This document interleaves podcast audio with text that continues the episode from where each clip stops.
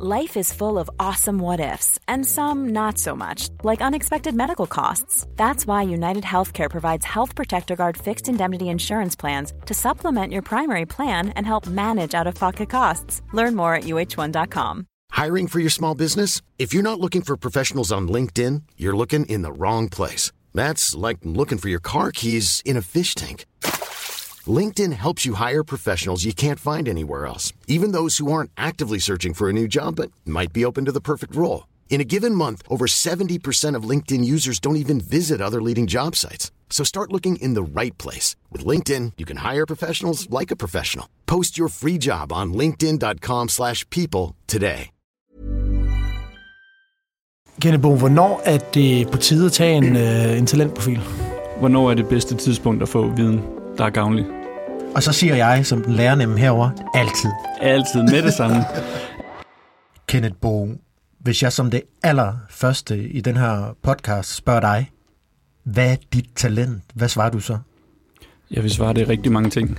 Øhm, vi kan ikke øh, snævre det ind til én ting alene. Øhm, mange folk vil antage, at det er talent for talent. Øhm, det er nok også det, jeg er mest kendt for. Men jeg vil faktisk ikke sige, at det er mit øh, største talent. Jeg vil sige, det er mine analytiske evner, min kritiske sans og så mit øh, ja, strategiske mindset. Så jeg er faktisk mere kommersiel, end jeg rent faktisk er en øh, talenthacker, som jeg nok er kendt for. Så skal jeg sætte ord på talentet, så er det nok det. Og når du siger dit ord, så kan de også nogle gange bare lige flyve lidt op i luften. Men hvad er det så helt konkret, du gør, øh, hvis man tager det ind til kernen? Er det så at sidde og tænke langt, langt ud i fremtiden og tegne processer med delmål? Eller hvad, hvad det så helt konkret, det betyder, det der talent? Jamen, jeg har faktisk en øh, gammel studiekammerat, som i talsætte på den øh, flotteste måde, før jeg selv vidste, at det var mit talent. Fordi han sagde på et tidspunkt, at en af mine allerstørste styrker, det er at se et problem, men at se bort fra symptomerne og rent faktisk kigge ind til årsagen. Så hvad er det, der ligger til grund? Så når alle andre finder, en, øh, finder grunden, så siger jeg, hvorfor er det grunden? Hvorfor? Og bliver ved med at køre ned. Derefter så ser jeg, hvilke scenarier er det, vi kan bruge det i, hvad vil der ske i forskellige øh, situationer, og dermed relativt god til at træffe beslutninger. Og så er min hjerne programmeret til, at i stedet for at tænke, hold nu op, hvor bliver det godt, så er jeg faktisk programmeret til at sige, hvor går det galt? Så er jeg ret god til at fange fejl i opløbet, før det sker. Og det er en stor styrke. Selvfølgelig også en svaghed nogle gange. Jeg skal til at sige, er det ikke en... Altså, det lyder lidt en opskrift på bekymringer. Det er det også. øhm, når man har det, nu, nu nørder jeg ned i talenterne igen, når man har vurderende højt ligesom mig. Det betyder, at altså på den ene side har vi optimisterne. Det er dem, hvor ej, det bliver bare fedt, det skal nok gå, tag det roligt. Øhm, det kunne måske være dig, Mike. Bare sådan en idé. Det er der mange iværksættere, der har. Der er faktisk ikke så mange, der er vurderende, ligesom jeg er. For det hjernen gør, det er, at den siger, hvad er det værste, der kan ske? Og så tænker den, det er nok det, der sker. Det er jeg ikke, det er jeg ikke i tvivl om. Altså, jeg kan udstille mig selv lidt og sige, da Rusland gik ind i Ukraine, jeg gad ikke på arbejde egentlig. Fordi jeg sad og tænkte, der kommer atombomber inden for 14 dage. Så kommer min optimistiske kæreste hjem og siger, nu tager du kraftet med sammen, Kenneth. Og så kan jeg lige reflektere, okay, det, nej, det kommer ikke til at ske. Der er faktisk ikke nogen sandsynlighed for det, fordi selvom han er en crazy mand, så er han jo stadig rationel. Ja. Men det er bare mit ubevidste bias, der trækker mod, det kommer til at blive noget værre møg, det her. Kom, kom du så på arbejde? Det gjorde jeg. Men jeg overvejede det. Det er meget spændende, at øh, dit sind så på en eller anden måde, hvis vi allerede skal snakke lidt om superkræfter, så det, der er din superkraft, det er så også det, der kan prikke til dig og skubbe dig lidt ud på kanten nogle gange.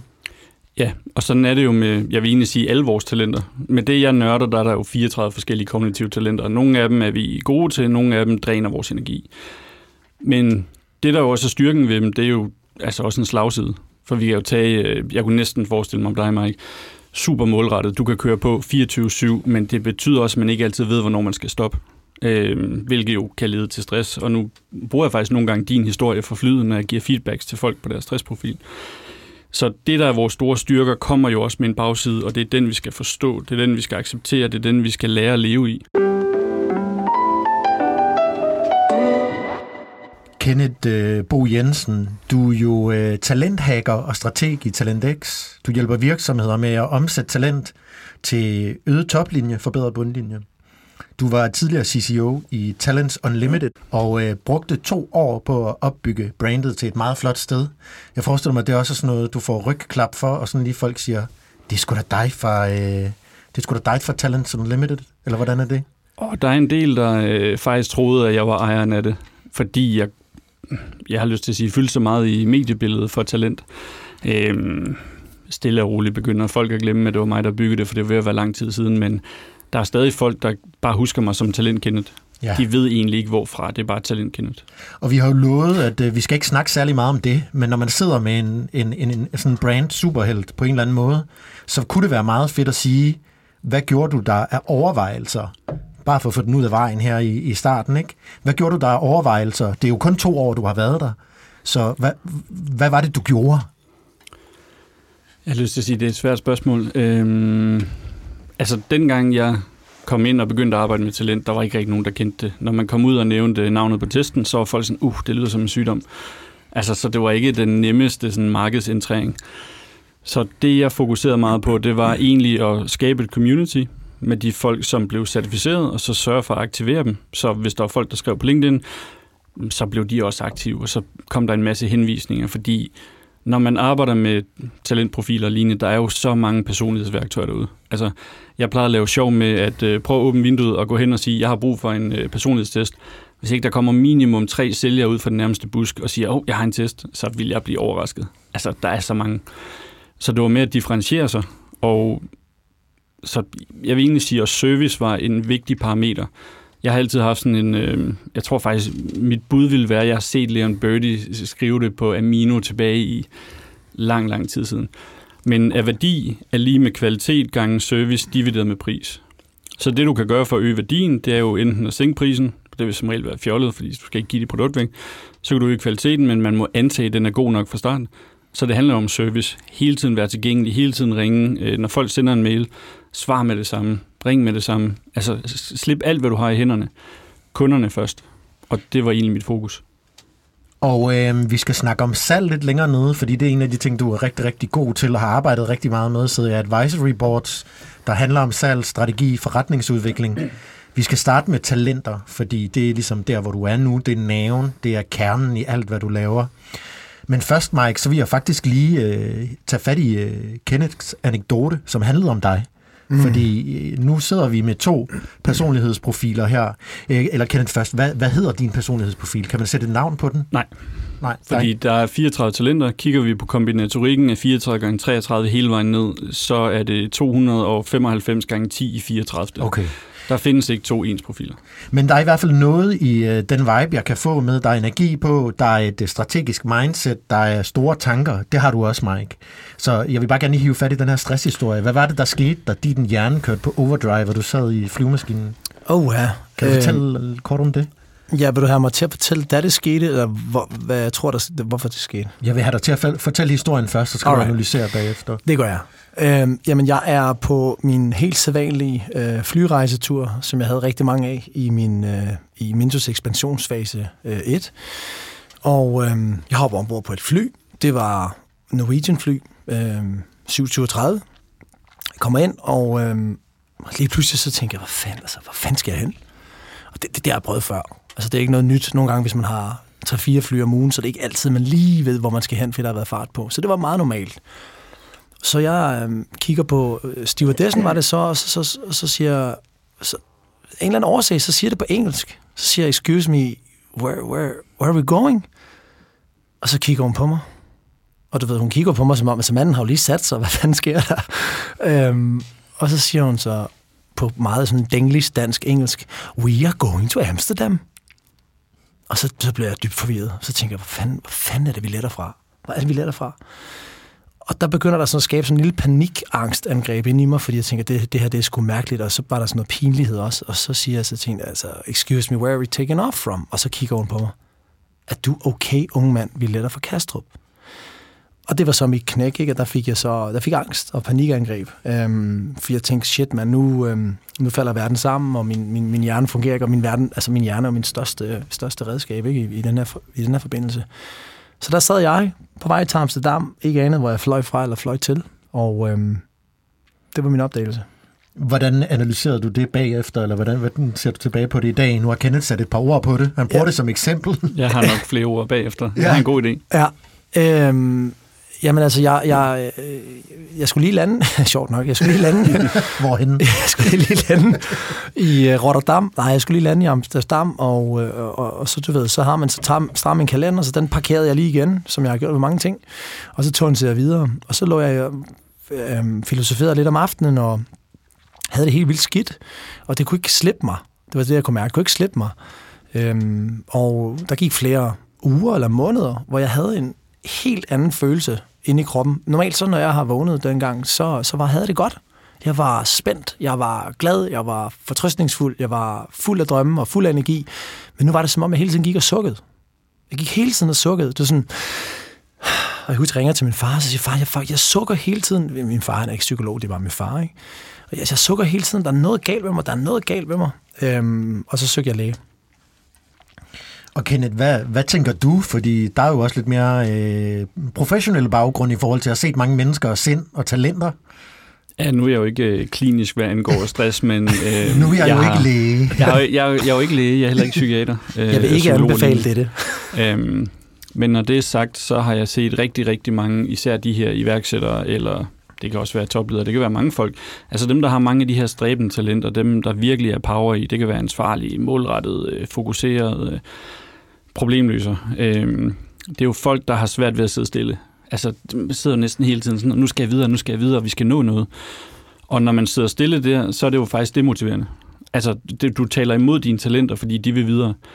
Når man har dem, så betyder det også ofte, at man har en lidt større tærskel for stress. Det vil sige, at man kommer ikke til at føle det.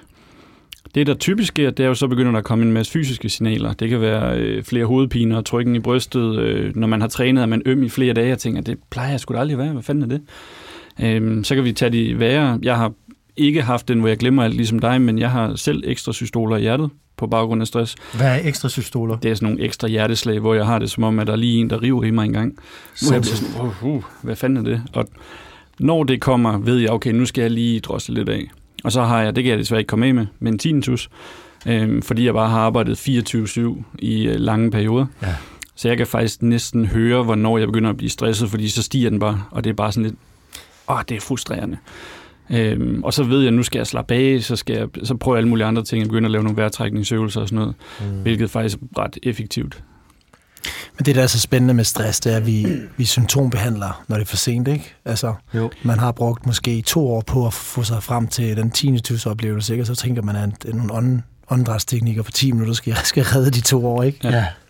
Jeg lå jo og øh, lyttede til min radiator en gang for fire år siden, og tænkte, hold kæft, mand, det var da irriterende. Den bliver ved med at brumme, og sådan, så blev den ved med at brumme i flere dage, jeg kunne ikke finde ud af det. Aha. Og så fik jeg, jeg fik nærmest en lille depression, da jeg fandt ud af, at det var tinnitus. Ja. Fordi at, jeg har altid gået og sagt, at hvis jeg får tinnitus, kan man ikke slippe af med det. Jeg tog ind til House of Hearing, som er sådan et kommunalt tilbud inde på øh, Vesterbro, og øh, det de sagde til mig, det var, at 50 procent af alle, der har tinnitus, det er ikke høreskader. Det er stress. Jeg fik præcis den samme ude på, jeg tror det var Hamlet, hvor ja. de fortalte mig, at der er et hørecenter, og lige ved siden er der, jeg tror hun kaldte det et tænkecenter, og det er overaktivt. Så det er det, der hele tiden skaber ballade for det andet. Ja. Fordi tjekkede al min hørelse og sådan lidt, der er ikke noget at finde her. Og det var også bare, ej, hvor er det træls det er, nu skal jeg trækkes med det.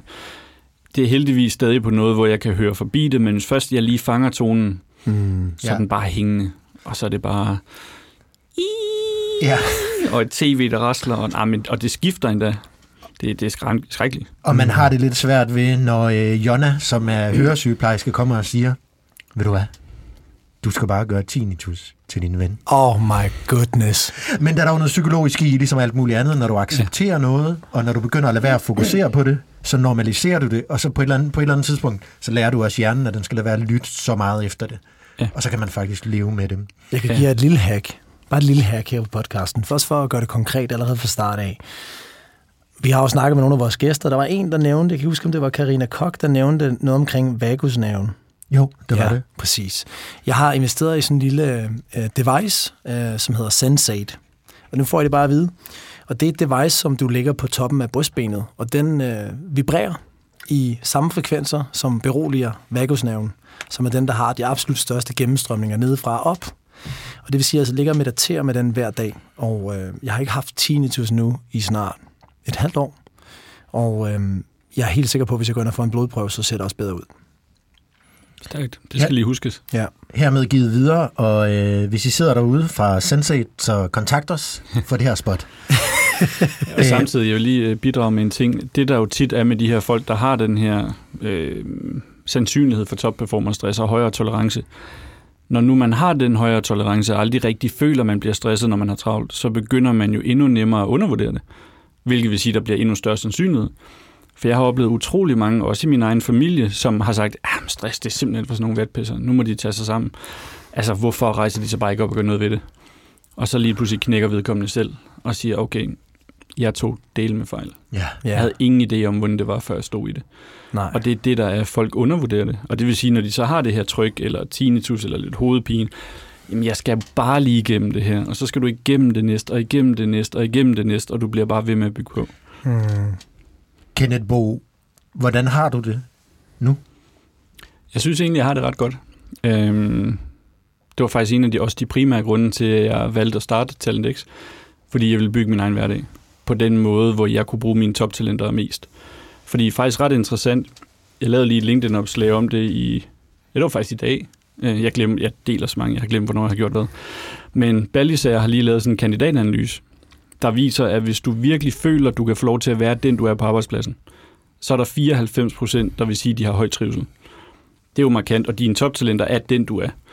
Øhm, hvis du svarer slet ikke, delvis grad eller nogen grad, så er der over 20 procent, der svarer, at de faktisk har stresssymptomer. Og når man så går ind og kigger på dem, der er stresset, 50 procent svarer, at det er arbejdsmængden. Men det sjove er, når man kigger på dem, der mistrives, så fylder øh, arbejdsopgaven ikke en særlig stor del. Hvilket vil sige, det er jo ikke fordi, de har for mange arbejdsopgaver, men de laver det forkerte, og ergo får de oplevelsen af stress, fordi de jo skal trække sig igennem det her hver eneste dag. Og det kan vi jo kun sætte en reference til, som Søren Lynge også har snakket om. Han snakker om, at på hør, jeg fylder kun min kalender med det, der giver mig energi, og det jeg gider. Ja. Og hvis man skal være kritisk over for den, så kan man sige, at det er jo ikke fordi, at han tager i Tivoli, eller tager ind og hører Ramstein hele tiden, eller spiser candyfloss, eller Går hvad man nu løver. gør, øh, lufter løver, som han gør nede i Afrika. Det er lige så meget, at øh, han har så meget lyst til det, han laver, så det er svært for ham at måske at proppe noget ind, som er per definition kedeligt, ikke? Ja. Har preppet sig godt med en god sådan arbejdsprepper. Oversat på menneskesprog, øh, Kenneth Bo, øh, oversat på Jonas-sprog her, så hjælper du mennesker med at blive bedre til det, de allerede er gode til, så de ikke laver det, der keder dem, eller de er dårlige til. Det, der dræner dem, tror jeg, det er rigtige ord at bruge. Det, der dræner dem, ja. Fordi Og- vi kan jo se, nu tager jeg lige nogle Gallup-data. Hvis du kender dine toptalenter og føler, du kan bruge dem hver dag, der er seks gange så stor sandsynlighed for, at du er engageret, som hvis du ikke gør det. Wow. Og der er samtidig øh, tre gange så stor sandsynlighed for, at du vil svare, jeg har en fremragende livskvalitet, sammenlignet med folk, som ikke bruger deres talenter. Og hvis jeg må give et eksempel, jeg har faktisk en øh, case, jeg hjalp på et tidspunkt i en virksomhed, og så sidder der en kvinde i den her virksomhed, øh, og alt i hendes profil indikerer bare, at hun elsker mennesker. Så spørger jeg hende, hvad laver du så i det daglige? Jamen, jeg sidder og søger på virksomheder og finder informationer, så jeg kan berige vores øh, CM-system og øh, putte nye data på. Og det flyver bare ud af munden på mig. Hvorfor?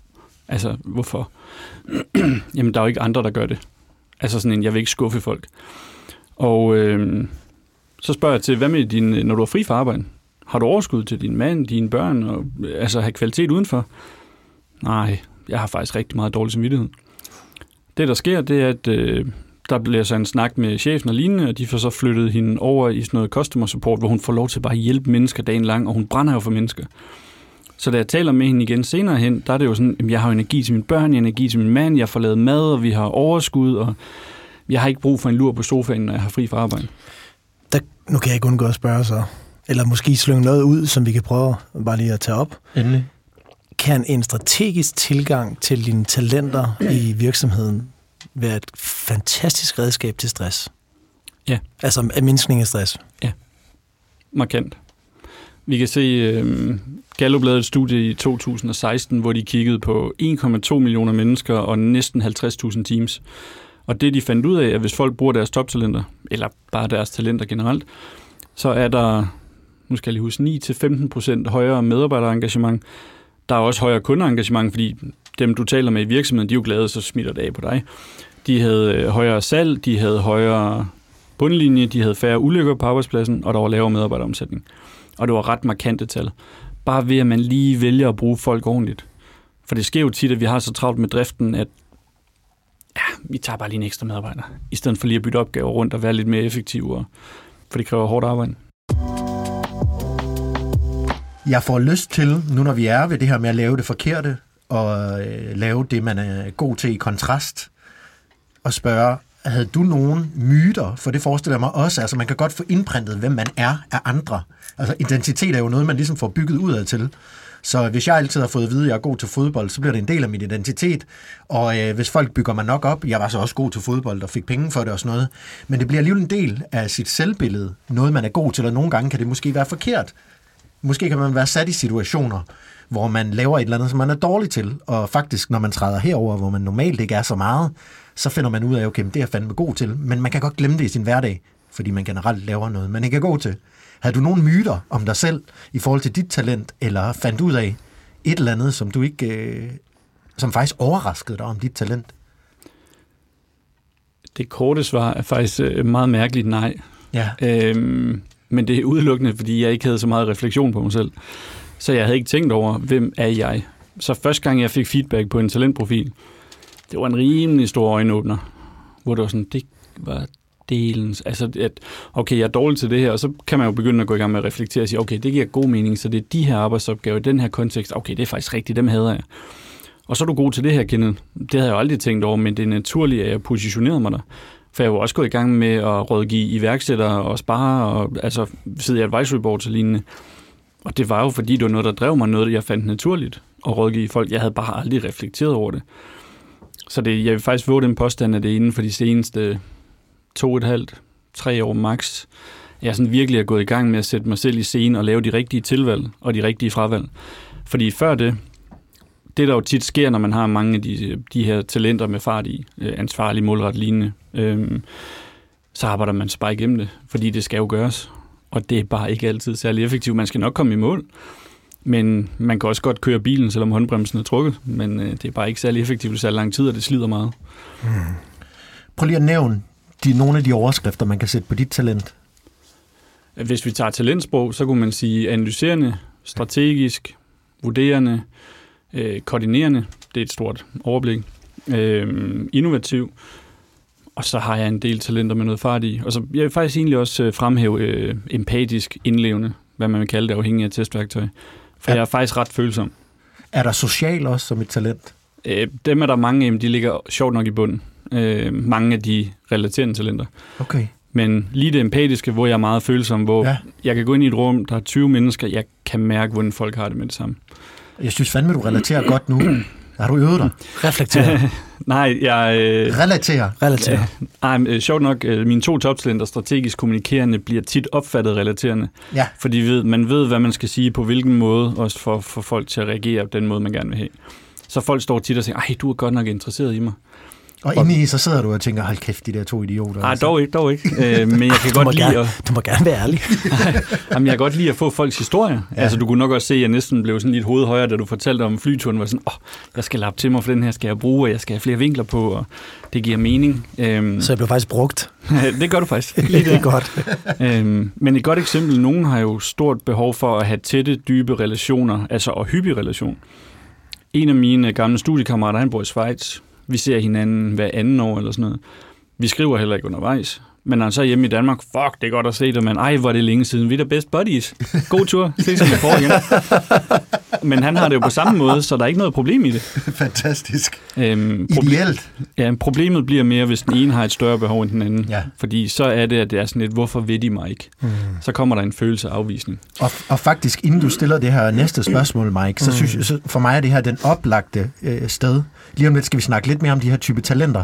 Men vi er jo nede i noget, der handler om kommunikation lige nu. Og at kende sine talenter, det handler jo også om kommunikation. Og vi har faktisk snakket lidt om kommunikation, øh, Mike og mig, fordi jeg lige har været nede og besøge ham en uge. Og øh, fordi vi begynder at arbejde mere og mere sammen, tættere og tættere, så kommunikerer jeg også mere med Mike.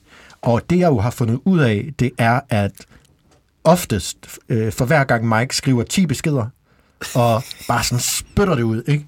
Sådan, det er bare en storm.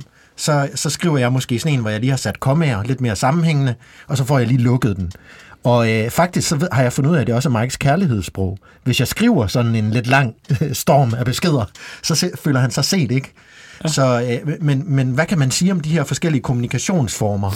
Øh, kan man sige noget? Altså, jeg, jeg tænker på, der er no, øh, jeg har hørt om højkommunikation og lavkommunikation. Øhm, Kender du noget til det? der er mange forskellige øh, behov af kommunikation i talenterne. Nu kan vi bare sætte nogle øh, ord på. Hvis man er inddragende, inkluderende, så vil man gerne inkluderes. Man vil gerne have andre folk fortæller i en historie. Hvorimod, hvis man har det lavt, så kan man nemt være sådan, hvorfor skal jeg blandes ind i det her? Altså, det har jeg ikke brug for. Er det relevant for mig? Nej. Hvorfor, hvorfor siger du det her? altså, de kan tit clash hinanden. Så skal man jo også kende det bias i talentet, fordi folk, der har det her talent i top, de kan godt lide, at folk kommer og siger, hey, hvad laver du? Fordi det er jo hyggeligt, og ej, du er nysgerrig på mig og sådan noget. Nu kan jeg jo lige udstille mig selv og øh, min kæreste derhjemme. Jeg har det i bund. Og så, øh, vi sidder i sofaen, og øh, jeg tænker, samtalen er slut. Øh, så tager jeg telefonen frem. Så siger hun, hvad laver du? Hvorfor? Jamen helt seriøst, hvad laver du? Hvorfor blander du dig i det? Så siger hun, hvorfor reagerer du sådan? Og der er det, jeg opdager mit bias ved lav øh, inkluderende her, som er, at den laver det om til, i stedet for, hey, hvad laver du? Til, hvad laver du?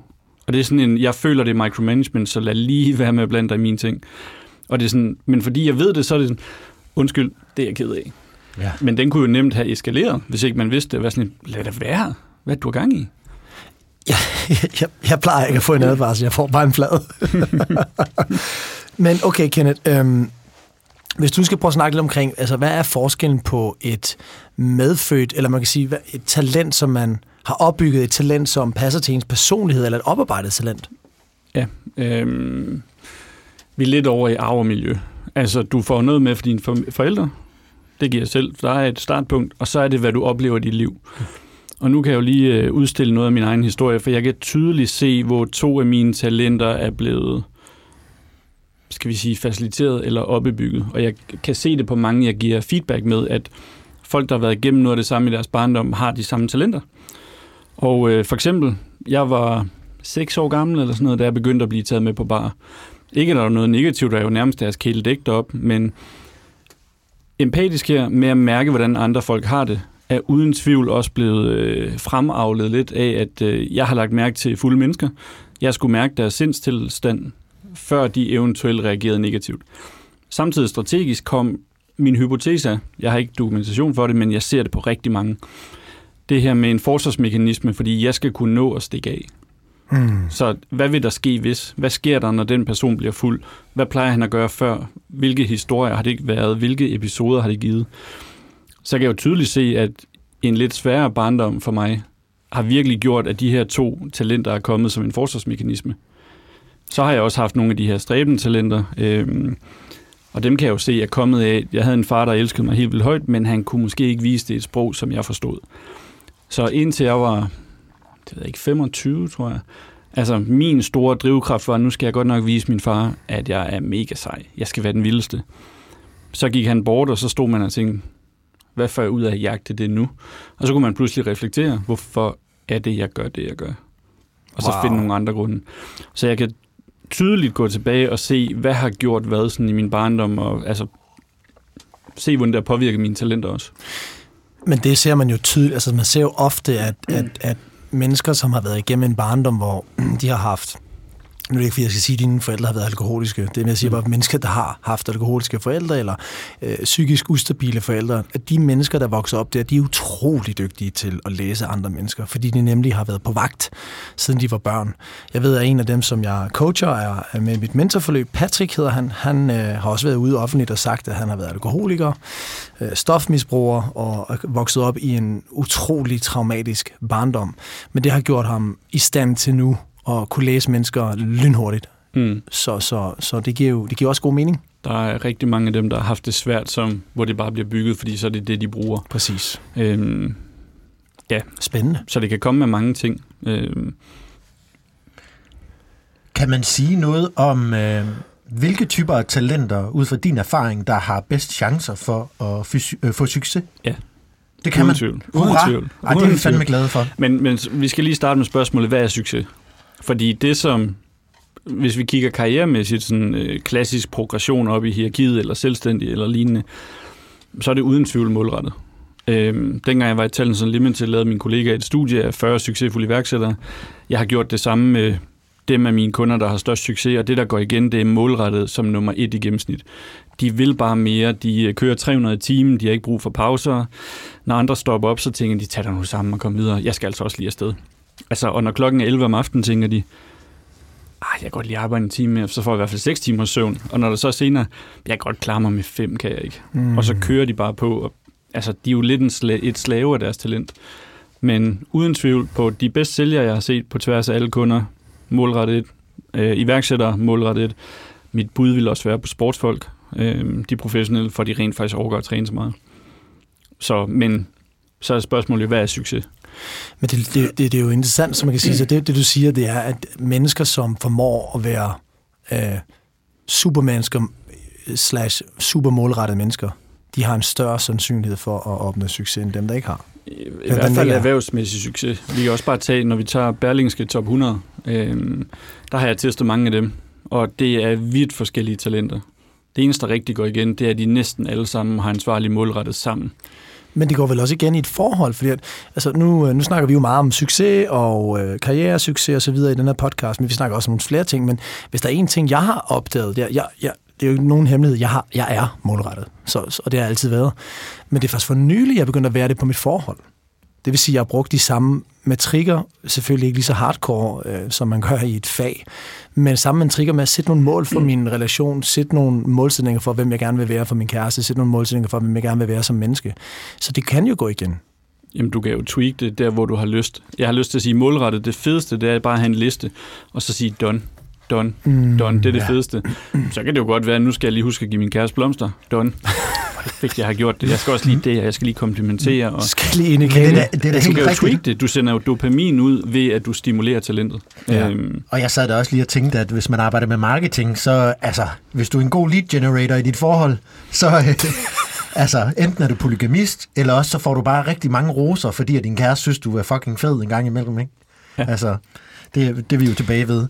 Øhm, jeg tænkte på, med al den indsigt, du har i talenter, talentprofiler, og dermed også fået i dig selv og din egen psyke, din egen øh, profil, så må du vel også arbejde på din egen talentprofil på en eller anden måde, og være meget bevidst om, hvor du skal hen af med dit talent. Jeg er meget bevidst om, hvor jeg skal hen, øh, og hvad jeg absolut ikke skal lave. Og jeg kan også se tilbage på hele min karriere og sige, hold da op, der er nogle talenter, der har kostet mig mange penge, og øh, fejltagelser, og hvad ved jeg. Og jeg kan tydeligt sætte, øh, det er det, og det, og det talent, der har gjort det. Øhm, så arbejde på dem, det handler mere om indsigten, vil jeg sige. Altså, hvordan bruger jeg det? Bevidstheden. Hvad gør, hvad gør du så? Hvad gør du så helt konkret lige nu med den bevidsthed, du har? Hvad sidder du og arbejder med? Vi kan tage et eksempel. Jeg har et talent højt, der hedder startende. Det er, nu ved jeg ikke, om man kan høre det, med de her fingre på bordet, der bare øh, ja. trummer helt vildt og siger, kom nu videre, kom nu videre, kom nu videre. Det, der tit ligger i det, det er det jo passion, det er gejst, det er det her, jeg skal bare videre.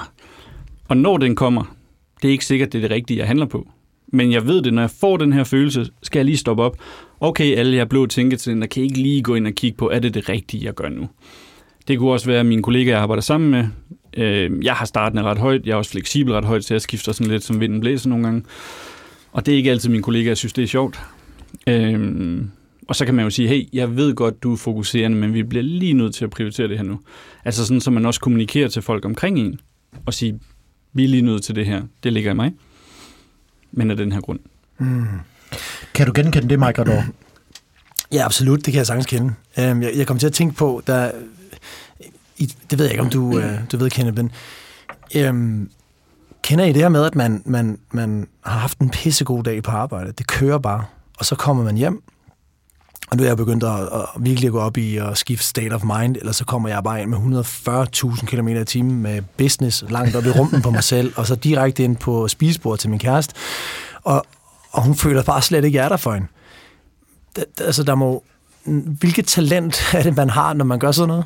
Altså, hvis man tager hvis man bare er op og kører også, når man kommer hjem. For jeg har nogle venner, som, som også er, de er super succesfulde, men de har ikke den her. Altså, de kommer hjem, deres familie øh, kører fantastisk. Det vil sige, de har en formåenhed til ligesom at lukke af, og så gå ind til spisebordet med familien. Den, den, det talent skal jeg arbejde med aktivt. Oh, det kan der være mange øh, forskellige veje til, og det er jo det, der tit er, det er jo ikke bare et talent, der er jo mange talenter, der i samspil kan gøre det samme. Men typisk, hvis man har lidt flere relaterende talenter, så betyder det lidt mere for en. Så skal man ikke bruge lige så meget krudt på at finde det frem. Mm. Øhm, det kunne også bare være et talent som harmoniskabende. Jeg vil gerne sikre mig, at alle har det godt, så jeg skal selvfølgelig ned i gear, for ellers har folk det ikke godt. Altså, det, det, alle talenter er jo egoistiske, men det interessante ved harmoniskabende er, ej, hvor jeg får det godt, når du har det godt.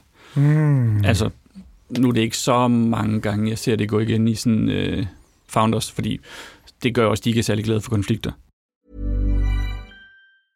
Life is full of awesome what ifs, and some not so much, like unexpected medical costs. That's why United Healthcare provides Health Protector Guard fixed indemnity insurance plans to supplement your primary plan and help manage out of pocket costs. Learn more at uh1.com. I'm Sandra, and I'm just the professional your small business was looking for. But you didn't hire me because you didn't use LinkedIn jobs. LinkedIn has professionals you can't find anywhere else, including those who aren't actively looking for a new job but might be open to the perfect role, like me. In a given month, over 70% of LinkedIn users don't visit other leading job sites. So if you're not looking on LinkedIn, you'll miss out on great candidates like Sandra. Start hiring professionals like a professional. Post your free job on linkedin.com/people slash people today. Jeg kom til at tænke på, altså det burde jo næsten være en lov for ledere at kunne implementere talentprofiler på sine medarbejdere for medarbejdsglæden. Ja. Og det man, skal, det, man skal vide med talent, eller lad os tage engagement, 70% af en medarbejders engagement er direkte knyttet til nærmeste leder. Øhm, så hvis lederen ikke har interesse i ledelsesdisciplin, men egentlig bare vil være leder på grund af, at der er penge, der er status, der er beslutninger. Altså man har jo set mange steder øh, det her med, åh, skal jeg virkelig have en til en, og skal jeg det her, jeg vil jo gerne eksekvere mine egne ting. Men det handler jo om netop at fjerne barriere for succes fra medarbejderne. Så man skal selvfølgelig også passe på, for der er ikke kun én vej til god ledelse. Øhm, jeg tror, det vigtigste, det er indsigt. Men min egen meget, meget subjektive holdning er, at der er et talent, der hedder udviklende. Når man er udviklende, så er man oprigtig interesseret i at hjælpe andre folk med at blive en bedre udgave af sig selv. Hvis man har en udviklende leder, der sidder med, de sidder typisk med åben dør, for de håber lidt, der kommer en ind og spørger om hjælp. Når der kommer en og spørger, så siger de, ej, hvor er det fedt, du kom, jeg vil gerne hjælpe dig. Har man det i bund, og nu kan jeg måske udstille mig selv lidt. Øh, sjovt nok, jeg laver det her, men jeg har udviklende lavt. Når folk kommer og spørger mig, jeg har altid været sådan, jo, det kan jeg da godt, men du skal være opmærksom på, at jeg har kun to minutter, og det var fandme vigtigt, det jeg lavede. Og det kan jeg jo godt se et mønster, jeg har haft det der med, jeg er jo ikke en naturlig leder. Jeg kan godt gå rundt og pege fingre eller andre, men jeg, jeg er bedre til at tale om det, end jeg er til at gøre det. Jeg får typisk følgeskab, men jeg tror mere, det er, fordi jeg prøver at være autentisk. Jeg prøver altid at være ærlig, øh, holde hvad jeg lover. Men det er ikke, fordi det er naturligt for mig at lede folk, faktisk. Hmm. Spændende. Ja, det var en, øh, jeg har lyst til at sige, en lidt irriterende indsigt. Fordi det er jo det, der er med mange, og også mange, jeg giver feedback, at når de siger, jeg vil gerne være leder, det er jo den naturlige progression i min karriere. Og det er sådan, ja, du har været vildt god til det her og det her og det her. Du er målrettet ansvarlig, konkurrerende, fokuserende, alt det her.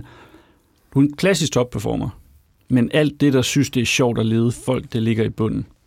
Det... Er du sikker på, at du vil gå på kompromis med det? Du bliver træt. Det er en meget god indsigt faktisk, fordi det er ligesom at blande, øh, hvad siger man, æbler og pærer, at vi har lidt, øh, det kan jeg tale for mig, for mig selv i hvert fald, er oppe i min hjerne, kan de godt nogle gange flyde sammen, at hvis du er rigtig dygtig og succesfuld, så er det også naturligt, at du bliver leder. Og det er også naturligt, at du tager teten, men altså man kan jo se i mange af de her startups, når man kommer til et vis øh, sted i en startups øh, virksomhed, på en startups rejse, så øh, sidder der enten en CEO, der fucker det hele op, fordi han ikke vil give slip, eller også giver han slip, og så kommer der en leder. Der er, der er desværre mange øh, founders, der bygger deres eget helvede. Fordi de elsker at eksekvere, de elsker at starte op, de elsker at komme i gang, de elsker resultater. De bliver større og større, og lige pludselig bliver der bare mere og mere af det, de ikke synes, der er sjovt. Og det, øh, nogle folk har et kæmpe talent for det. Jeg kan finde øh, flere iværksættere derude, der også sidder som direktør, hvor jeg tænker, du vil også være en god leder i hvilken som helst anden virksomhed. Men der er også bare nogen, hvor det er sådan, hvornår er det på tide at give slip og give en anden den her del. Eller om ikke andet få en ind, der bare elsker at lede mennesker, og så kan du være lidt sådan den klassiske eksekverende C-level.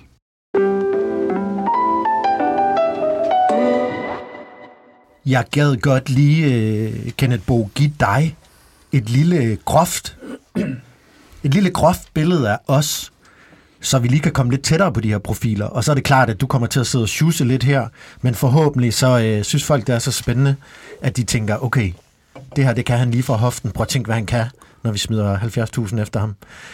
Øhm, jeg vil gerne lige beskrive mine talenter, eller kort min vej. Øh, prøve at beskrive sammensætningen af mig. Og så bagefter, så vil jeg gerne have Mike til lige at sætte nogle ord på ham.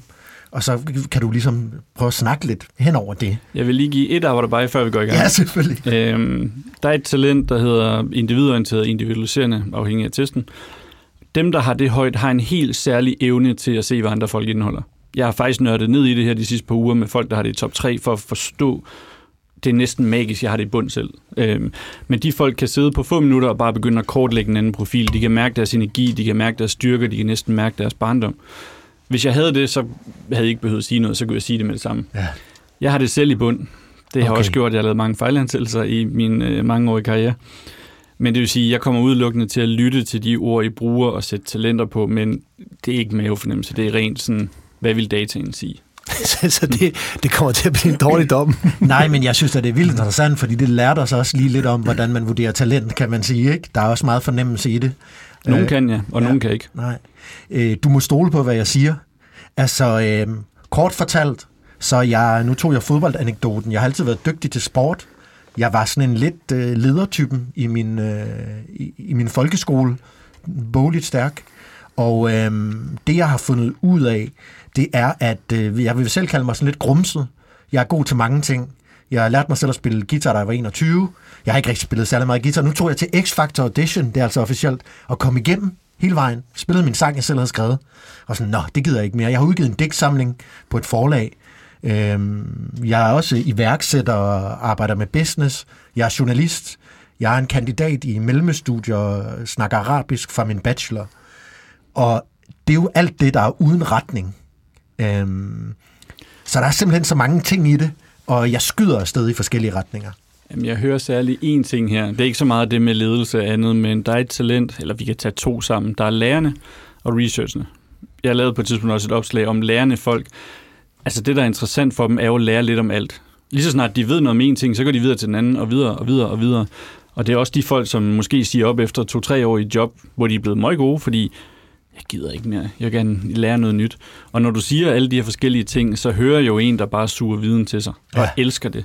Måske også derfor, du godt kan lide podcast, fordi du elsker også at lytte til dem selv, øh, Ja. ja. kan jeg forestille mig. Måske også bøger, der er også dokumentarfilm. Der, jo mere viden man kan få, jo bedre. Så skal man, øh, skal man jo hvem vil være millionær, så er der en sandsynlighed for, at det er dig, man skal ringe. Ja, skal bare komme hjem med sådan en pipe, pipe til Jonas, så sætter han sig foran sådan en dokumentar. Jeg kan synes, alt er spændende. Og øh, bare lige for at indvige lytterne.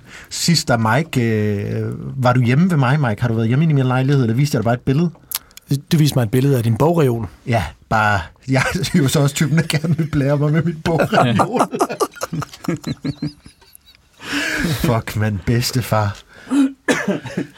Nej, det behøver ikke være bedstefar. Altså, men det, det, det, du skal glæde dig over ved lærerne, det er jo folk, der typisk gerne vil blive ved med at udvikle sig. Altså, stillstand er afvikling. Ja, Hvorimod folk, der har det lavere, det er sådan, at jeg har det fint, hvad jeg behøver ikke alt det her viden. Nej. Øh, Så, så lad os sige, at man skulle arbejde sammen med dig som leder, så var det jo vigtigt hele tiden at kunne bygge på for dig. ja. For hvis ikke du får den her nye viden, så det er ligesom, hvis du er målrettet, du får ikke nogen mål, Mike.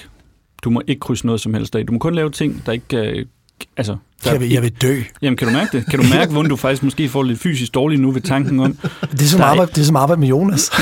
Nej, det er pis. Det er pis, det er pis. Men nu har jeg jo set nogle af dine videoer. Altså det der med, at du siger om søndagen, når I lægger planen for ugen, at jeg gør det og det og det, Ja, det må du ikke gøre mere.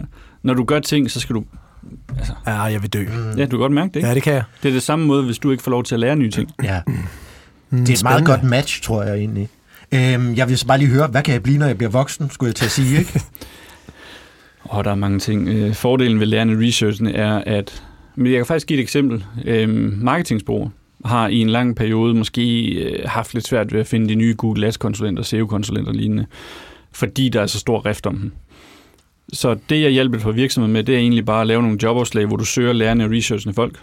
De behøver ikke have været i branchen før, men de kommer ind, og så går der tre måneder, så er de suget samtlige certificeringer til sig i øh, Google, og hvad de kan få, og de har siddet og kigget og lært. For det går altså bare stærkt med at tilegne sig den her viden, for de kan jo ikke få nok.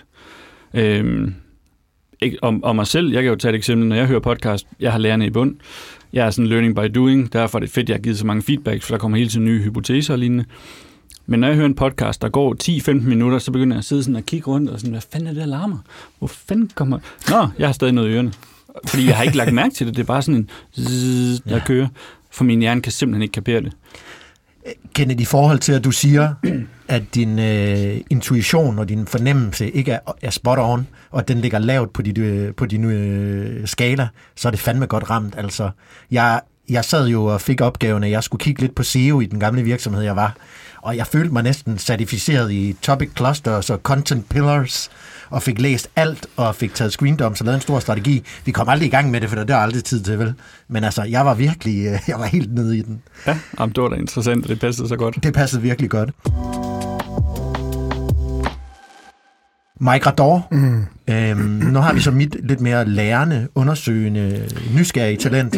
Ja. Det, som jeg selv havde kaldet det lidt grumsede talent måske, mm. men jeg kan bedre lide det, du siger, Kenneth Bo. øhm, hvad, hvad med dit talent? Kan du sætte nogle ord på det? Øhm, jamen altså, jeg er jo, jeg har altid været den, som har, jeg har aldrig kunne sidde stille øh, i skolen. Jeg har aldrig rigtig gået op i lektier, for at være helt ærlig, indtil jeg følte, at jeg kunne bruge det til noget. Har du altid kunne sidde stille, eller aldrig? Aldrig. Okay, ja. Aldrig, aldrig.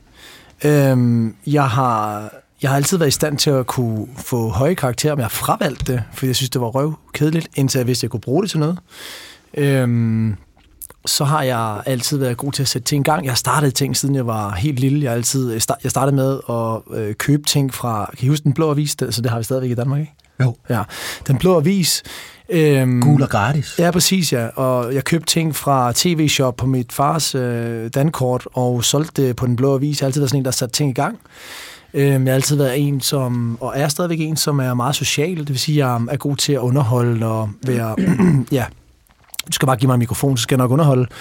Øhm, og så har jeg altid været god til at, at cut the crap, altså vi komme ind til, til sagens kerne for at snakke om Jonas og arbejde sammen med Jonas. Det er en fornøjelse, men der er også rigtig mange mapper og dokumenter og pis og lort, som der bare vælter rundt, som er godt arbejde. Men jeg er ikke så interesseret i det, jeg er mere interesseret i, hvad kan vi bruge det til. Øhm, ja. Men nu øh, øh, husker jeg det studie, der blev af de her succesfulde iværksættere, og jeg ved jo, hvad for nogle folk der var, og jeg har en idé om, du har formentlig alle fem. For det er målrettet, det er jo, man kan ikke sidde stille. Man skal bare nå sine mål, og man arbejder lidt for meget. Ansvarlig, jeg holder hvad jeg lover, så når jeg har sat et mål, så holder jeg også det mål. Så er der selvsikker, så når jeg træffer en beslutning, så ved jeg, det er den rigtige. Det behøver ikke være det, men man føler, det er den rigtige. Så er der øh, problemløser, så når der kommer en udfordring, knips med fingrene, we winger den bare, vi skal bare afsted. Altså kan vi ikke godt lade være med at snakke så meget om det, den skal bare videre nu. og så især startende, de der fingre på bordet. Altså, det er jo 1-5 på gennemsnitsiværksætteren. Og må ikke du har alle fem. Øhm, det kunne jeg forestille mig. Jo. Så kunne jeg forestille mig, at du også er optimist. Øhm, på grund af den energi, der kommer. Ja. For det er jo sådan et... Øh, det er charmerende kan ligne hinanden meget. Men det er den her energi, der strømmer ud, hvor du kan, du kan se det på folk, du kan mærke det på folk. Det har den her smittende effekt. De griner lidt mere, de smiler lidt mere, og kunne måske også blive tidsoptimister en gang, men man siger, ah, det tager fem minutter ja, ja, en time senere sidder du stadig med den samme irriterende opgave. ja. øhm, hvad kunne du mere have? Du er nok strategisk til at lægge planerne, kommunikerende, og så er jeg sådan lidt blandet på signifikant charmerende til den her underholder. Så mm. øh, jeg har en følelse af, at jeg har en 9-10 stykker af dem. Wow. Og så tror jeg, mange af de relaterende er lavere, for ellers ville du ikke skulle bruge så meget energi på at prioritere forholdet. Oh, shit, psykoanalyse. Spot on. Tak, Kennebo. Det lyder meget rigtigt. Øh, ærligt talt, det lyder meget, meget, meget rigtigt. Meget rigtigt. Og jeg har, jeg har det svært med... Øhm, jeg havde det svært. Jeg begyndte at blive mere opmærksom på det. Jeg havde det svært med mennesker, som ikke rigtig forstod det, jeg sagde. Jeg sagde, hold nu kæft, altså. Ja. Hvor, hvor der, hvor jeg er i dag, der er jeg blevet bedre til at være opmærksom på det. Så selvom jeg, jeg, jeg tænker og føler det, men det er ikke den kommunikation, jeg kommer ud med. Så det er jo nok det, ja. jeg er blevet opmærksom på det, ikke? Ja, og forklare dine mellemregninger. For hvis du har strategisk højt, nu kan jeg jo fortælle min egen erfaring, jeg har det jo selv øh, nummer et, og det er jo, at din hjerne er det her lyn, der forgrener sig. Kigger mm. på alle de scenarier, der kommer på et brøkdel af et sekund. Øhm, og det betyder også, at din hjerne hopper fra A til Z, og det giver jo bare, altså det, det, er jo, det kan enhver jo regne ud. Ja. Men det kan de ikke, så du er faktisk nødt til at forklare mellemregningen. Det er lidt ligesom, nu tager jeg min egen øh, øh, folkeskoletid, hvor lærerne altid sagde, at du kan ikke få særlig høje karakterer, når ikke du har mellemregningerne. Hvor jeg sådan, nej, jeg har det jo lige her. Jamen, det mm. kan jeg ikke mm. se. Og jeg er sådan, nej, jeg gider seriøst ikke, fordi jeg kan regne det hovedet, gider jeg ikke skrive ned. Altså, det er lidt det samme strategisk gør i samtalerne, og du må også have det på den måde, så at ofte når andre taler, når de er 30-40% inde i sætningen, så ved du godt, hvad de vil sige. Du er allerede ved at gøre svaret klart. Dit startende sidder, åh, oh, jeg har lyst til at afbryde, men jeg skal lade være. Det, mm, Det er rigtigt. bid dig selv i tungen mixet. Det er rigtigt. Det får mig så til at tænke på, at når jeg hører Mikes talenter, så bliver jeg jo også misundelig. Altså, der er meget af det, jeg gerne vil lære. Øh, Ah, der er nøgleordet. Lærerne. Ja, lære. Ikke, det er jo ikke noget, du gerne vil være, det er noget, du gerne vil lære. Det er jo interessant. Og det er jo, det er jo, det her, det er jo faktisk sjovt nok ofte i semantikken, at du fanger talenternes bias. Altså har du øh, tænkende, filosoferende højt, så ender du ofte med at sige, ej, øh, prøv lige at forestille dig det her, prøv lige at tænke over. Øhm, innovativ, ej, hvad nu hvis man gjorde sådan her? Øh, strategisk, hvis I gør det der, så vil der jo ske sådan. Eller startende, ej, hvorfor går det så langsomt? Altså, så man kan ofte fange et talent på, hvilke ord bruger man. Det er meget sjovt, Jonas, at sidde og lytte på det her, er det ikke det? Fordi at vi er jo ved at indlede et, øh, et, et langtids, nu har vi været venner siden, mm. du kastede med metalbiler på mig i sandkassen, men vi er, jo, vi er jo ved at lære at arbejde sammen, men, men jeg kan jo, jeg kan jo virkelig, jeg lærer jo virkelig meget, jeg har virkelig lært meget af dig, øh, om dig, øh, på, på andre niveauer ved at arbejde med dig. Øh, og det, der er det fede her, Kennebo, det er, at vi, vi har en naturlig øh, øh, sammenkobling for nu, at vi, vi spiller hver vores talent pissehammerende godt. Det vil sige, der hvor jeg er svag, eller ikke ønsker, eller ikke synes, det er interessant, interessant der er Jonas ret stærk. Og om man nu siger han, så han gerne vil lære det, men jeg ved så ikke, om han vil være det. Øhm, men er det ikke rigtigt, Jonas? Jo, jeg synes, det er, det er spot on, og jeg tror, at det, der også øh, er virkelig øh, creme la creme i det, ikke? sådan cremen i midten mellem de to boller her, det er, at jeg kan også føle, at jeg trækker lidt over mod dig, så jeg bliver mere Mike af at arbejde med dig. Så det vil sige, du lærer mig øh, Men jeg kunne forestille mig, at øh, det er jo ikke fordi, man diametrale modsætninger i vidt forskellige, men der må nærmest være noget, lad os sige, nu sagde du også det med sport som yngre og øh, styrmand, ja. der kunne godt være noget enten konkurrerende eller målret eller andet, sammen med de andre ting, mm. som gør, at man har de her fælles værdier, der gør, at man løber derud af. Og jeg, Ah, kan jo, jeg kan jo se, når jeg tester de her øh, startups, scale-ups øh, fra to personer til 50 personer, at dem, der har fundet hinanden, hvor de har nogle fælles talenter, der gør, at de har samme værdier, hvis vi kan bruge det ord, men så er forskellige, så de kan give opgaverne til hinanden. Det er dem, der lykkes bedst. Hvor hvis man er helt kloner hinanden, jeg gider ikke den her opgave, men så er du nødt til at tage den. Jeg synes jo heller ikke, den er sjov. Mm-hmm. Kenne, Kennebo, hvornår er det på tide at tage en, øh, en talentprofil? Hvornår er det bedste tidspunkt at få viden, der er gavnlig? og så siger jeg, som den lærer nemlig herover altid. Altid med det samme. altså, jeg har også oplevet nogen, der siger, at vi skal lige være øh, 10 mand, så, så, så skal vi gøre det her. Hvor jeg sådan, nej, I skal gøre det med det samme. Mm. Fordi ja, det er en investering fra start af, og det koster selvfølgelig nogle, øh, nogle penge. Men det der med at vide, hvad har jeg brug for? Vi, vi, vi kan bare tage min egen rejse. Jeg startede med at sidde som selvstændig, der, øh, ja, jeg købte jo faktisk Talentex af en anden. Men da jeg køber det, og jeg har disciplineret helt i bund, det er ikke disciplineret i ordets klassiske forstand, men det er orden, detaljer og struktur. Og jeg ved bare, når jeg skal til at sende tilbud og ordne ting og strukturere det og lave i mine nye Excel-grafer og sådan noget, jeg overgår det ikke. Jeg elsker at modtage det, men jeg hader at lave det. Så med det samme, så har jeg dialog med en, øh, jeg ansat, en, øh, min kollega Sofie, som er målrettet i disciplineret to. Det er bare fedt. Og et godt eksempel på det her, allerede da vi blev enige om, at øh, hun skulle have jobbet, og så siger åh, så er jeg nødt til at sætte Office 360 op, og jeg skal lave Monday og sådan noget. Hun laver den, hun knytter nærmest lige fingeren, eller hånden sådan, må jeg ikke godt gøre det, så vi ved, der er styr på det. og med det samme er det bare sådan, øj, hvor er det lækkert, det her. Men altså, hvorfor, hvorfor, hvorfor sender man ikke sådan en talentprofil ud til dem, inden de kommer til en samtale? Det gør jeg også, når jeg rekrutterer. Ja. Når jeg kører rekrutteringsproces, så øh, det første, vi gør, det er at definere, hvad er succesprofilen, der skal til for at lykkes. Mm. Fordi hvis ikke vi har det, så har vi ikke noget at holde det op imod, og så bliver det sådan lidt den her, hvad, hvad er min følelse af vedkommende. Det er lidt nemmere at sige, hold kæft, jeg har en god kemi med dig, men du bliver ikke glad i det her job. Det kan vi se, det har du selv lige sagt. Når vi så har sat det op, så laver vi jobopslag, der udelukkende taler til talenterne. For hvis jeg skriver, øh, du er ansvarlig, hvem vil ikke række hånden i vejret og sige, jeg er ansvarlig? Fordi hvad fanden er ansvarlig? Så kommer jeg til at tænke på noget, så- så er jeg blevet journalist her. Øhm, Endelig. Tak. Så kommer jeg til at tænke på en Så anden går ting. jeg. Vil man, det her, det vil man, nu, nu nævnte du noget om det kommunikative til at tiltrække de rigtige profiler ikke, i en, en, en job øh, ansættelsesproces. Vil man kunne... Hvad laver du nede i posen, Jonas? Jeg skulle lige have noget at drikke. Det lignede en guldbejer til at starte med. Øhm, For nu sidder vi og arbejder meget, meget, meget tæt sammen, Jonas og jeg, og vi skal jo til at tiltrække de rigtige profiler, som synes, det er interessant i at komme ind i det her online mentorforløb, som, som, som vi tilbyder, som hedder Mere. Og det, det er jo en, kan man sige, på et eller andet område er det jo en, en specifik profil, vi taler højst til. Det var lige godt pokker, som du knæpper op der. Du kan meget, meget, jeg, jeg ved, du på vej hen, men Ja. du kan meget nemt lukke den til, fordi jeg, jeg har jo siddet og set, jeg jo, som vi snakkede om før podcasten, rådet ind i dit flow alt det her markedsføring, så øh, jeg ved jo, hvad produktet er, hvordan det fungerer sådan overordnet set. Og det er jo tydeligt, at det er de her meget, skal vi kalde dem high performer, øh, top achievers, altså super målrettede folk. Så du skal jo tale ind til det. Altså, og det kan du nemt gøre, hvis du finder ud af, hvad er det, der går igen hos alle dem, der bliver tiltrukket af det, og gør kommunikationen endnu skarpere. Fordi når vi laver jobopslag, samtlige sætninger kigger vi igennem og tilpasser til den, altså de talenter, vi har udvalgt. Altså fordi semantikken afgør jo alt. Og semantik er ord, bare for dem, der ikke er lingvister ja. Ja. derude, ikke? Altså, hvad, ja. hvad trigger os på en eller anden måde, på en god måde? Ja, hvad for nogle ord vælger vi at bruge, og hvad for nogle ord tænder vi på og forstår vi? Ja. Ja. Altså hvis du skriver, du er målrettet, der kan være mange folk, der siger, om jeg vel ok målrettet. Men hvis du skriver, du er typen, der nærmest har tre forskellige to-do-lister, og der er ikke nogen bedre følelse i hele verden, end når du lige laver den her checkmark, og du bare tænker, åh, lige om lidt, så kommer der en checkmark mere. For der vil en målrettet sige, åh, det er godt nok fedt det her. Du må også sidde og være lidt glad nu og tænke, åh, min to-do-list, jeg er faktisk langt i dag. Hvor er det fedt. Mm. Og lige om lidt kan vi klappe af, at den her podcast også er færdig. Endnu en.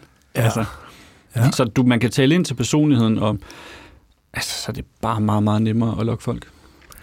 Vi skal slutte af her i podcasten. Den sidste del her, den skal handle om branding og salg, som vi har lovet, fordi det også er et sted, hvor du er som en, en fisk i vandet. Sådan en smuk yellowfin. Og øhm, jeg vil lige have det sidste med med talent her, fordi det synes jeg for mig er meget vigtigt. Nu sagde jeg, at jeg trækker en lille smule over mod Mike, fordi jeg lærer af Mike. Øhm, hvor meget skal man dyrke det talent, man har? Og virkelig sådan skamride det? Virkelig fluff den op? Alt, hvad du kan. Og hvor meget skal man fokusere på talenter, man ikke har? Øhm, så lidt som muligt. Okay. Øhm, vi kan tage et eksempel, som Marcus Buckingham, en af dem, der har været med til at lave forskningen, han selv bruger tit. Kig på Lionel Messi. Ekstremt venstrebenet. Da han var ung, så begyndte de at fokusere på at træne hans højre ben. Det gik ikke særlig godt. Så i stedet tænker vi, vi giver ham verdens bedste venstreben. Og samtidig så kører han lige en video af Messi mod, tror det er Atletico Bilbao eller sådan noget, hvor han bare dribler igennem. Og så man siger, alle de her tre forsvar, der står rundt om ham, ved, at han skal ind til venstrebenet. Vi skal presse ham ned i højre hjørne. Alligevel er venstrebenet så godt, at han kommer igennem. Han har 19 berøringer med venstrebenet og to med højrebenet. Og han scorer. Så som han spørger, hvad er dit venstreben? Ja. Og det er jo det samme, man skal give. Dit, det er jo formentlig målrettet. Altså, det er det, du kan. Du løber hurtigere end alle andre. Fedt. Billedet bliver jo, at hvis du er god nok til den ting, du gør, så kan den blive uafviselig. Ja, fordi hvorfor bruge krudt på det, du er dårlig på? Måske gør det middelmådigt. Det er der jo nogen, der gør. Altså især folk, der har ansvarlig højt, fordi jeg har mange af de feedbacks på folk, så kigger i bunden og siger, åh, oh, så skal vi gøre det her bedre. Det kan du godt, men er det ikke lidt irriterende bare at være middelmådig på mange ting, i stedet for at sige, du er god til det her, nu bliver jeg verdens bedste på lige det her felt, og så bruger jeg min krudt her. Ja, jeg skulle lige til at sige, det handler ikke om at, at, at kigge på talenter, man ikke er god til. Det handler om at blive sat på den rigtige sted på fodboldbanen. Altså blive ja. Ja. placeret, hvor du er naturligt allerbedst. Lige præcis. Som øh, tidligere byråmand og sælger, øh, er du en stadig en del af, af branchen i advisory boards og finder salg og marketing spændende, Kenneth Bo. Du sidder blandt andet i et øh, advisory board for et LinkedIn-bureau, der hedder Elite Advertising, og du hjælper salgsafdelinger med at lykkes gennem din øh, rolle i Nordic Salesforce. Hvorfor vælger du at bruge tid og energi på at vedligeholde den her salgsprofil i en, i en travl hverdag, hvor du er Mr. Talent på en eller anden måde, ikke? Det kan jo godt, talent kan godt tage 100% af din tid, hvis du prioriterer det. Og hvad skal jeg svare der? Hvis mine talenter skulle svare, så ville de sige, fordi det er sjovt. Altså i bund og grund, jeg kan jo godt lide det. Øhm, salg har altid faldet mig meget naturligt. Jeg ved ikke hvorfor. Øhm, det var faktisk først, jeg tror det var i 2015 eller 16, hvor vi hentede en direktør ind til det bureau, jeg var i, hvor hun så spurgte, øh, hvorfor er det, du sælger mere end alle de andre? Det ved jeg ikke. Hvad er det, du gør? Det ved jeg ikke. Jeg gør det bare. Øhm, og det var faktisk først nogle år senere, da jeg fandt ud af mine talenter, at jeg egentlig så, hvad er det, jeg bruger min måde at sælge på. For jeg er ikke en særlig god canvas-sælger, men jeg er en hammerne god rådgiver. Og så er det, jeg er tilbage til den her øh, model med, altså værdien kontra kvalitet og service. Altså, det er en parameter. Jeg vil altid virkelig bare hjælpe. Derudover så er det vigtigt for mig at forstå, altså, fordi jeg har faktisk tit sagt nej til opgaver. Fordi jeg har det her motto, at hvis jeg ikke vil, øh, selv vil købe det, så vil jeg heller ikke sælge det. Så der er tit folk, der har sagt, jeg har brug for det her. Det er ikke det rigtige. Det, det er stadig fint nok, men det er ikke det, jeg vil gøre dig. Så jeg siger nej tak. Så jeg kunne forestille mig, at folk synes, at integritet, autenticitet er noget af det, jeg står for, og jeg altid gerne vil hjælpe. Og så elsker jeg bare at løse problemer. Øh, og det er jo typisk det salg af, folk har et problem, hvad er løsningen på det? Ja, rådgiverne er i hvert fald der. Ja. Ja, præcis. Mm. Hvordan driver du selv salg? Jamen lige nu er jeg jo faktisk så heldig, at øh, alle mine kunder bliver henvist for andre kunder, mere eller mindre. Vi er begyndt at køre noget markedsføring. Øh, vi er også begyndt at køre lidt salg, men det er ikke meget. Altså det er jo reelt alle mine kunder, der siger, at det her har givet os så stor værdi. Nu skal du have fat på dem her. Eller der er folk, der bare ringer til mig ud af det blå og siger, jeg har øh, lige hørt for den her. Og så, vi kan bare nævne i dag, der var også en, der ringede til mig på baggrund af mit LinkedIn-opslag hvor han ringer til mig og siger, øh, i den branche, du er i, der har jeg sådan 95% af folk, som er nogle værre røvhuller, og det er bullshit bingo, og de fatter ikke en skid. Og så er der 5 procent, som rent faktisk er noget at have det i. Og jeg ringede til dig udelukkende, fordi jeg har set, at du lige har fortolket et par forskellige ballisager-opslag med data, med hvad det rent faktisk betyder. Så nu begynder jeg at tro på dig et eller andet det, du siger. Kan du ikke lige uddybe lidt? Så sådan, det kan jeg godt. Så fortæller mm. vi om det. Så der er faktisk, øh, jeg vil gerne lige prøve at, at opsummere de ting, du siger der, men der er jo noget tillid, som ligesom ja. handler om, at når du bruger data, når du kommunikerer skarpe analyser, øh, når du giver god feedback, øh, eller du får god feedback af dem, der bliver anbefalet, så lyder det også som om, du er meget synlig. Altså man kan sige, hvis man søger på Kenneth Bo Jensen øh, og podcast, så dukker du op en del steder. Hvis man kigger på din LinkedIn, så er du meget til stede. Så der er også ligesom noget synlighed øh, ja. som måske kan opsummeres? Jamen, jeg tror, øh, sidste år delte jeg lidt over 100 opslag på LinkedIn og sådan noget. Øh, målet var egentlig, at jeg rammer 150-200 stykker i år. Øh, men det er også fordi, jeg synes jo, det er sjovt at sidde og skrive. Jeg synes, det er sjovt at gennemgå data. Det er sjovt at sidde og reflektere, eller lige blive fanget af et eller andet, som... Øh, altså bare, det var i søndag, så sad jeg, jeg skulle sjovt nok til at spille et spil Counter-Strike. Det kan jeg godt lide til at afstresse. Mm. Og lige pludselig var jeg sådan, ah, jeg blev irriteret over det her. Og hvis jeg bliver irriteret over det, hvad er det så i mig, der gør, at jeg bliver irriteret? Uh, der var der lige LinkedIn-opslag, og så lynen hurtigt ind og skrive. Det tager 35 sekunder, og så skib afsted. Men er det opslaget, der er sjovt at skrive, eller er det budskabet, der er fedt at levere? Det er faktisk et godt spørgsmål. Øhm, det er sjovt at udtænke. Det er ikke nødvendigvis sjovt at skrive, for når jeg har tænkt det, så er det bare kedeligt at skulle formulere det. Øh, derfor er korte opslag gode, for hvis jeg først har udtænkt sådan en fire sider stil, så overgår jeg ikke at skrive den bagefter. Så er det sådan en, det var hyggeligt. Fed idé, den lader vi ligge. øhm, det er derfor, jeg ikke laver lige så mange artikler, som jeg har gjort før. Og så kan jeg egentlig godt lide at give viden, folk kan omsætte. Øhm, vi kan faktisk omsætte det i min talentprofil under motivationsstyrker. Der er noget, der hedder kreation, hvilket er at skabe noget, altså se, det har et output. Så det er jo en blanding mellem at have givet værdi, og så er der selvfølgelig også noget anerkendelse i det. Mm. At folk kommer med deres likes og deres kommentarer og siger, fuck, det er godt tænkt, og det har jeg ikke haft med. Hvor jeg sådan, forhåbentlig gør det en forskel for den person efterfølgende. Mm. Hvad? ja. Jeg vil, bare, øh, jeg vil bare lige dykke en lille smule mere ned i den. Øhm, når du så er en, der godt kan lide, at øh, når den kreative, hvad var det, du kaldte den? Når der opstod noget i dig, så vil du gerne have det afviklet hurtigt. Hvad var det, jo, du det, er, det er især startende. Det er startende, ja. Og så sagde du det her med, at du gerne vil se et øh, produkt af det, du laver. Ja. Øhm, hvor, når du så driver salg, er du så meget i kontakt med dine taktflader? Hiver du telefonen? Er du sådan en, hvor man hele tiden kan få fat i dig, eller man er kan... du meget på intuitiv, sådan, nu skal jeg ringe her, nu skal jeg ringe her, mail? Jeg er faktisk, tror jeg, ikke øh, god nok til at følge op Nej. generelt. Øhm, jeg har altid, og det, og det er jo faktisk sjovt, for jeg kan se, hvad i min profil, der gør det, fordi jeg har det her empatiske talent højt. Og det gode ved det er jo, at jeg kan mærke, hvor folk er henne i processen, hvordan de har det, hvad de føler, når jeg kommer med information. Men det andet er også, ah, jeg vil helst ikke være til besvær, så det der med at, øh, at ringe, og de har ikke lige tid og sådan noget, det, det er jeg faktisk ikke altid særlig god til. Mm-hmm. Så jeg prøver at følge op, men det er ud fra den her devise om, jeg kan se, det gør en forskel for dem. Jeg har det nærmest som om, det er min pligt, at jeg skal hjælpe dem, fordi åh, de er i tvivl om, de har lyst til at gøre det, men jeg ved, hvor glade folk bliver. Jeg ved, hvilken bundlinje det giver, for jeg har set det på kunden, for kunden, for kunden, for kunden, og det er ligegyldigt med branche og størrelse. Mennesker er mennesker. Så jeg vil gerne have, at det bliver bredt ud. Det forstår jeg godt. Som øh, kommunikationsmand, journalist, øh, storyteller, så, så for mig er det jo fantastisk at kigge på det produkt, du sælger os. Hvis vi træder op, og nu har vi snakket lidt om semantik, og, og have let forståelige produkter. Altså, det sværeste at sælge, det var sådan noget, som øh, folk ikke forstår. Ikke? Altså, øh, hvor de ikke forstår, hvad giver det der? Og det hedder et kompliceret navn, og man skal ud og bevise, at det virker. Du sælger jo øh, selvudvikling, udvikling under talent. Det er jo fandme også et godt produkt. Altså forstår du, hvad jeg mener? At selve navnet at sælge talent, er det ikke også, øh, er det ikke også fantastisk at kommunikere? Jeg har lyst til at sige, både over for mange fatter ikke, hvad talent er. Det er jo sådan et, et fluffy ord, det kan betyde hvad som helst. Mm-hmm. Og Mhm.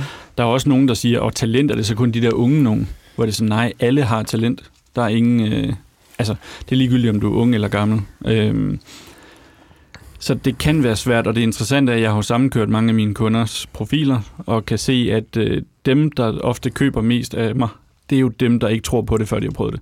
Mm. Så det kan faktisk tit marketing svært. For dem, jeg gerne vil have fat i, de kigger på det og siger, Nå, spændende, tror jeg. Det er ligesom alt det andet. Og hvad gør du så for ligesom at imødekomme den øh, udfordring? Cases og testimonials. Præcis. Og øh, hvem kender de, som jeg også kender, som har prøvet det i bund og grund. Fordi nogle gange er der jo også, og det er jo det fedeste, når der er en, øh, det oplever tit en kunde, der skriver til mig, sætter en anden BCC eller CC. Prøv at høre, vi har lige brugt det her, det var genialt, nu skal du også prøve det. Her der er Kenneth, værsgo. Og så kan jeg jo bare, okay, fedt. Øhm, og det er jo det, der er det fede, fordi når man føler, man får værdi, så vil man jo også gerne anbefale det til andre, fordi jeg vil gerne hjælpe mit netværk. Mm. Så det er jo meget det, jeg kører på, alt andet lige. Mm. Mike Rador, øh, jeg tænkte, vi, inden vi lader lad Kenneth Bo løbe ud i sin øh, hverdag, ude at, at finde talenter, og øh, få banket nogle succesfulde virksomheder og organisationer op, hvor folk laver det, de har lyst til, og det, de er gode til. Så øh, skulle vi måske egentlig tage lige og snakke med ham om, vi vil jo gerne få mere videre, skubbe mere øh, ud over grænsen, have mere og mere, kan man sige. Hvis vi gerne vil bygge en organisation, og nu kender du en lille smule til vores profiler, det er fra hoften her igen, ikke? Men hvad, hvad tror du, vi kunne mangle? Ja, det kommer an på, hvor I vil hen. Jeg har faktisk lige lavet et framework, jeg ikke har udgivet endnu, øhm, som jeg kalder Strategy and Talent, øhm, i forhold til, hvordan du går for dine, hvad kan man sige, dine øh, strategiske tanker ned til medarbejdere. Og det første, du skal gøre, det er at finde ud af, hvor jeg er i dag. Fordi hvis ikke du ved, hvor du er i dag, så kan du ikke se forskellen på, hvor du skal hen. Så skal du finde ud af, hvor du gerne vil hen, hvad det kræver. Når du har det, så kan du begynde at sætte projekterne op. Og de her steps kan de fleste jo finde ud af. Men når man har det og egentlig skal til at eksekvere, så er det, hvilke talenter skal der til for at løse den enkelte opgave, det enkelte projekt. Og det er jo der, hvor virksomhed efter virksomhed fejler, fordi forretningsudvikling er faktisk ikke så svært. Det er bare svært at få det implementeret i menneskene. Og det er de her steps, du er nødt til at have, før du ved, hvad det er, jeg har brug for i organisationen. Mm. Altså, som man skal passe på med at, at gå forud, for man kan godt se, hvad er det, I to mangler for at fuldende team. Men har I overhovedet brug for det? Er det overhovedet talenter, I har brug for i forhold til den vej, I gerne vil? Og Hvad, der, hvad vil vi mangle, hvis man endelig skulle gætte på det?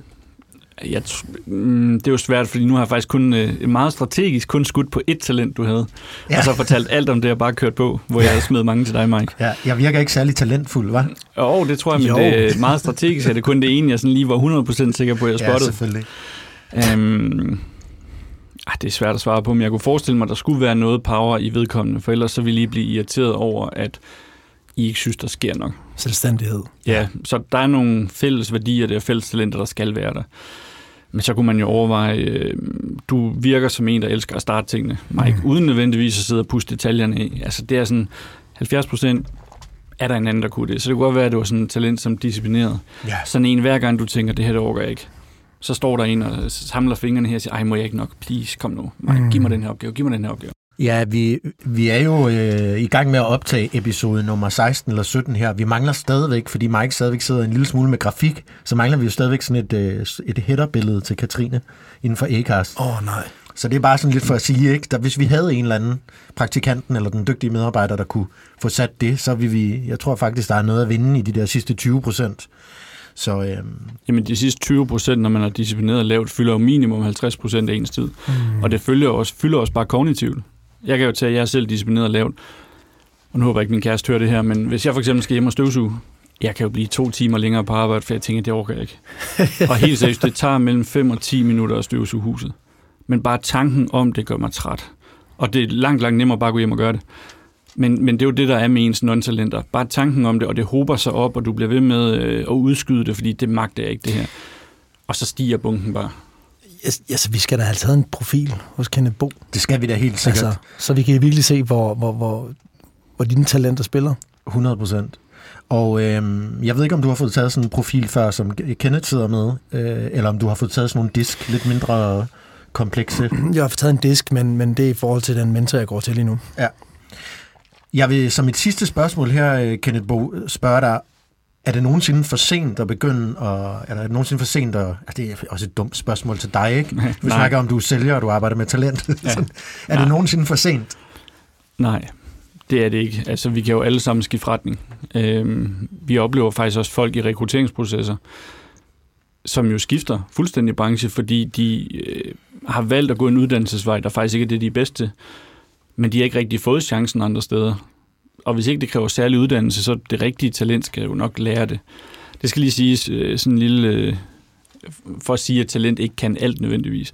Folk kan jo godt have en rigtig god talentprofil, uden de har lært at bruge deres talent ordentligt, hvis de ikke har fået mulighed for det. Så er det jo noget, altså Gallup definerer det som talent gang investering er lige med styrke. Så hvis ikke du har investeret tid i dit talent, så er det jo bare råt. Så er det jo ikke sikkert, at du kan gå ud og, og bruge det aktivt. Så du skal bruge tid i dine talenter for at forfine det, sådan, så du forhåbentlig altså, kan arbejde ubesværet uden at lave fejl hurtigere. Mm.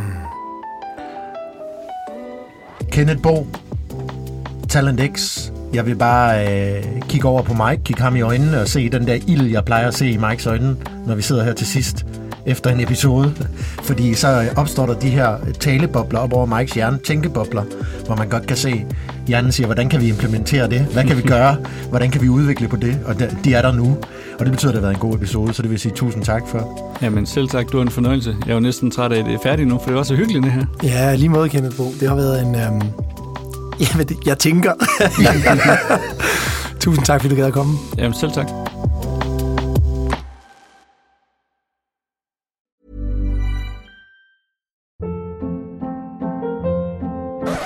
Up. What was that? Boring. No flavor. That was as bad as those leftovers you ate all week. Kiki Palmer here, and it's time to say hello to something fresh and guilt-free. Hello Fresh. Jazz up dinner with pecan-crusted chicken or garlic butter shrimp scampi. Now that's music to my mouth. Hello Fresh. Let's get this dinner party started. Discover all the delicious possibilities at hellofresh.com.